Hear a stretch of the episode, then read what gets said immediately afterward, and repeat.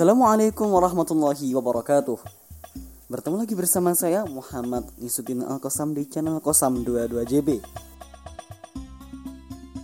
Teman-teman semua di kesempatan kali ini Saya akan berkisah tentang seorang ulama Yang bernama Ibnu Hajar Al-Asqalani.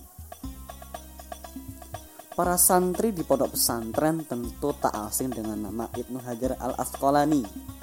Ulama ini mengarang sejumlah kitab yang senantiasa dijadikan referensi atau dipelajari di pondok pesantren. Kitab yang dikarangnya di antara lain adalah Fathul Bari, Bulughul Maram, Tahdib Al-Tahdib, dan lainnya. Nama lengkap beliau adalah Ahmad bin Ali bin Muhammad bin Kinani Al-Asqalani. Namun ia lebih dikenal dengan Ibnu Hajar al-Asqalani. Semasa hidupnya, ia dikenal sebagai seorang ahli hadis. Karyanya yang berjudul Fathul Bari, Kemenangan Sang Pencipta, merupakan syarah penjelasan atau komentar atas kitab sahihnya Imam Bukhari. Oleh banyak ulama, karya Ibnu Hajar al-Asqalani disepakati sebagai kitab penjelasan yang paling detail yang pernah dibuat. Ibnu Hajar dilahirkan pada tahun 773 Hijriah dan wafat pada tahun 852 Hijriah. Mengenai tempat kelahirannya ada beberapa pendapat. Ada yang menyebutkan ia dilahirkan di kota Al-Asqalon, Palestina Versi lain juga menyebutkan bahwa ia lahir besar dan meninggal dunia di Mesir. Ibnu Hajar digambarkan sebagai sosok yang mempunyai tinggi badan sedang, berkulit putih, muka bercahaya, dan berseri-seri. Bentuk tubuh yang indah, lebat jenggotnya, serta pendek kumisnya. Dia juga memiliki pendengaran dan penglihatan yang sangat baik Giginya tampak kuat dan utuh serta mempunyai fisik yang kekar dan kuat. Di samping itu, ia juga dikenal sangat fasih dalam berbicara. Lirik suaranya, cerdas ungkapannya, pandai strateginya, dan pintar dalam bersyair. Dalam buku 60 biografi ulama salaf karya Syekh Ahmad Farid disebutkan bahwa Ibnu Hajar tumbuh dan besar sebagai anak yatim piatu kasihan sekali ya guys. Ayahnya meninggal ketika ia berumur 4 tahun dan ibunya meninggal dunia ketika ia masih balita. Sepeninggal kedua orang tuanya ia diasuh oleh kakak tertuanya yang bernama Azaki Al-Kharubi. Ketika sang kakak memutuskan berhijrah ke Mekah Ibnu Hajar turut serta. Saat bermukim di tanah suci Ibnu Hajar dimasukkan ke Al-Maktab. Eh, maksudnya maktab adalah sekolah khusus untuk belajar dan menghafal Al-Quran. Nah itu kepanjangannya. Ia saat itu baru menginjak usia lima tahun.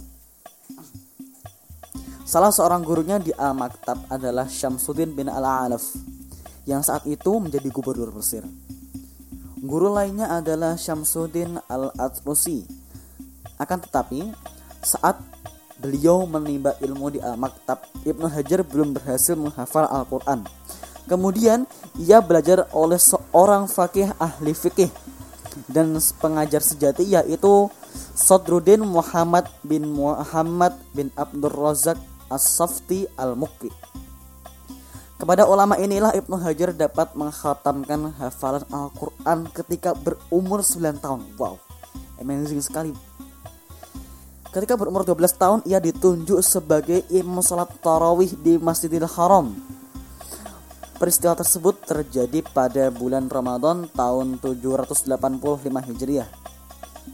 Pada suatu hari ketika sang kakak pindah ke Mesir pada tahun 786 Hijriah, Ibnu Hajar juga turut serta pergi ke Mesir. Di Mesir, Ibnu Hajar benar-benar berusaha belajar dia menghafal beberapa kitab di antaranya kitab Al-Hawi karangan Al-Mawardi dan kitab Mukhtasar karangan Ibnu Hajib Kendati sudah menimba ilmu di banyak tempat, Ibnu Hajar belum merasa puas dengan ilmu yang telah diperolehnya. Ia kemudian memutuskan berguru kepada Al-Hafidh Al-Araqi.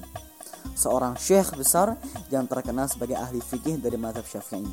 Selain menguasai fikih, Syekh Al-Hafidh juga menguasai ilmu tafsir, ilmu hadis, dan ilmu bahasa Arab. Ibnu Hajar menyertai sang guru selama 10 tahun.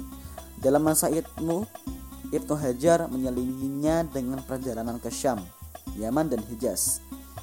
Di bawah bimbingan Syekh Al-Hafidh, Ibnu Hajar berkembang menjadi seorang ulama sejati dan menjadi orang pertama yang diberi izin oleh gurunya untuk mengajarkan hadis. Wow, luar biasa sekali ya. Bisa kita bayangkan uh, seorang ulama Ibnu Hajar al Asqalani ini. Setelah sang guru wafat, Ibnu Hajar belajar dengan Nuruddin Al-Haythami dan Imam Muhibbuddin Muhammad bin Yahya bin Al-Wahdai.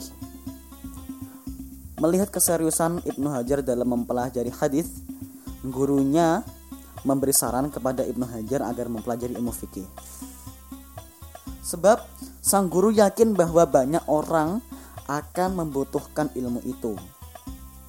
Ya, selain itu sang guru beralasan bahwa ulama di daerah tersebut akan habis sehingga keberadaan Ibnu Hajar amat sangat diperlukan sebagai penerus para ulama setempat. Menjadi kodi. Setelah mendapatkan berbagai bidang ilmu pengetahuan, Ibnu Hajar memutuskan untuk kembali ke Mesir dan menetap di sana hingga akhir hayatnya. Selama bermukim di Mesir, ia tercatat pernah menjadi kodi atau hakim ya. Selama kurang lebih 21 tahun. Beliau adalah seorang hakim yang menganut mazhab Syafi'i. Setelah itu, Ibnu Hajar juga menjadi syekh dari para guru hadis dan mengajarkan ilmu fikih di beberapa tempat di negeri Mesir. Ia juga kerap diminta naik mimbar sebagai khotib di Masjid Amr bin Aus dan Masjid Al-Azhar. Ibnu Hajar mengundurkan diri dari jabatannya sebagai seorang kodi begitu terpilih untuk yang keenam kalinya pada tahun 852 Hijriah. Tak lama berselang, ia jatuh sakit di rumahnya. Ketika tengah, tengah sakit, hingga membawanya kepada kematian. Ibnu Hajar berkata, "Ya Allah, bolehlah Engkau tidak memberikanku kesehatan, tetapi janganlah Engkau tidak memberikanku pengampunan." Akhirnya pada malam Sabtu 28 Dzulhijjah berselang dua jam setelah sholat isya orang-orang dan para sahabat-sahabatnya berkerumun di dekat Ibnu Hajar untuk membacakan surah Yasin. Ketika sampai ayat ke-58, keluarlah roh dari seorang ulama ini. Berita wafatnya sang ulama ini menimbulkan luka mendalam bagi semua warga. Mereka menganggap hari itu merupakan hari musibah yang sangat besar. Orang-orang menangisi kepergiannya, sampai-sampai orang yang non-Muslim pun ikut meratapinya. Pada hari itu, pasar-pasar ditutup demi menyertai kepergiannya para pelayat yang datang pun sampai-sampai tidak dapat dihitung. Semua para pembesar saat itu datang melayat. Teman-teman semua, kita bisa melihat bagaimana seorang ulama Ibnu Hajar al Asqalani ini mendapatkan uh, semua ilmu itu tidak dengan sebuah kemalasan, melainkan Ibnu Hajar al Asqalani mendapatkan semua ilmu itu dengan jangan lelah untuk belajar, jangan lelah untuk berjuang.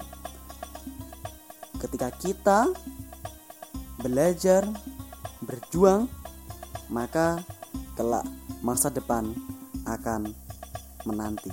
Kesuksesan akan menanti kita di masa depan. Saya Muhammad Nizzuddin Al-Qasam mohon izin undur diri. Semoga kita tetap dalam kebenaran, keistiqomahan dalam melakukan kebaikan. Sekian wassalamualaikum warahmatullahi wabarakatuh.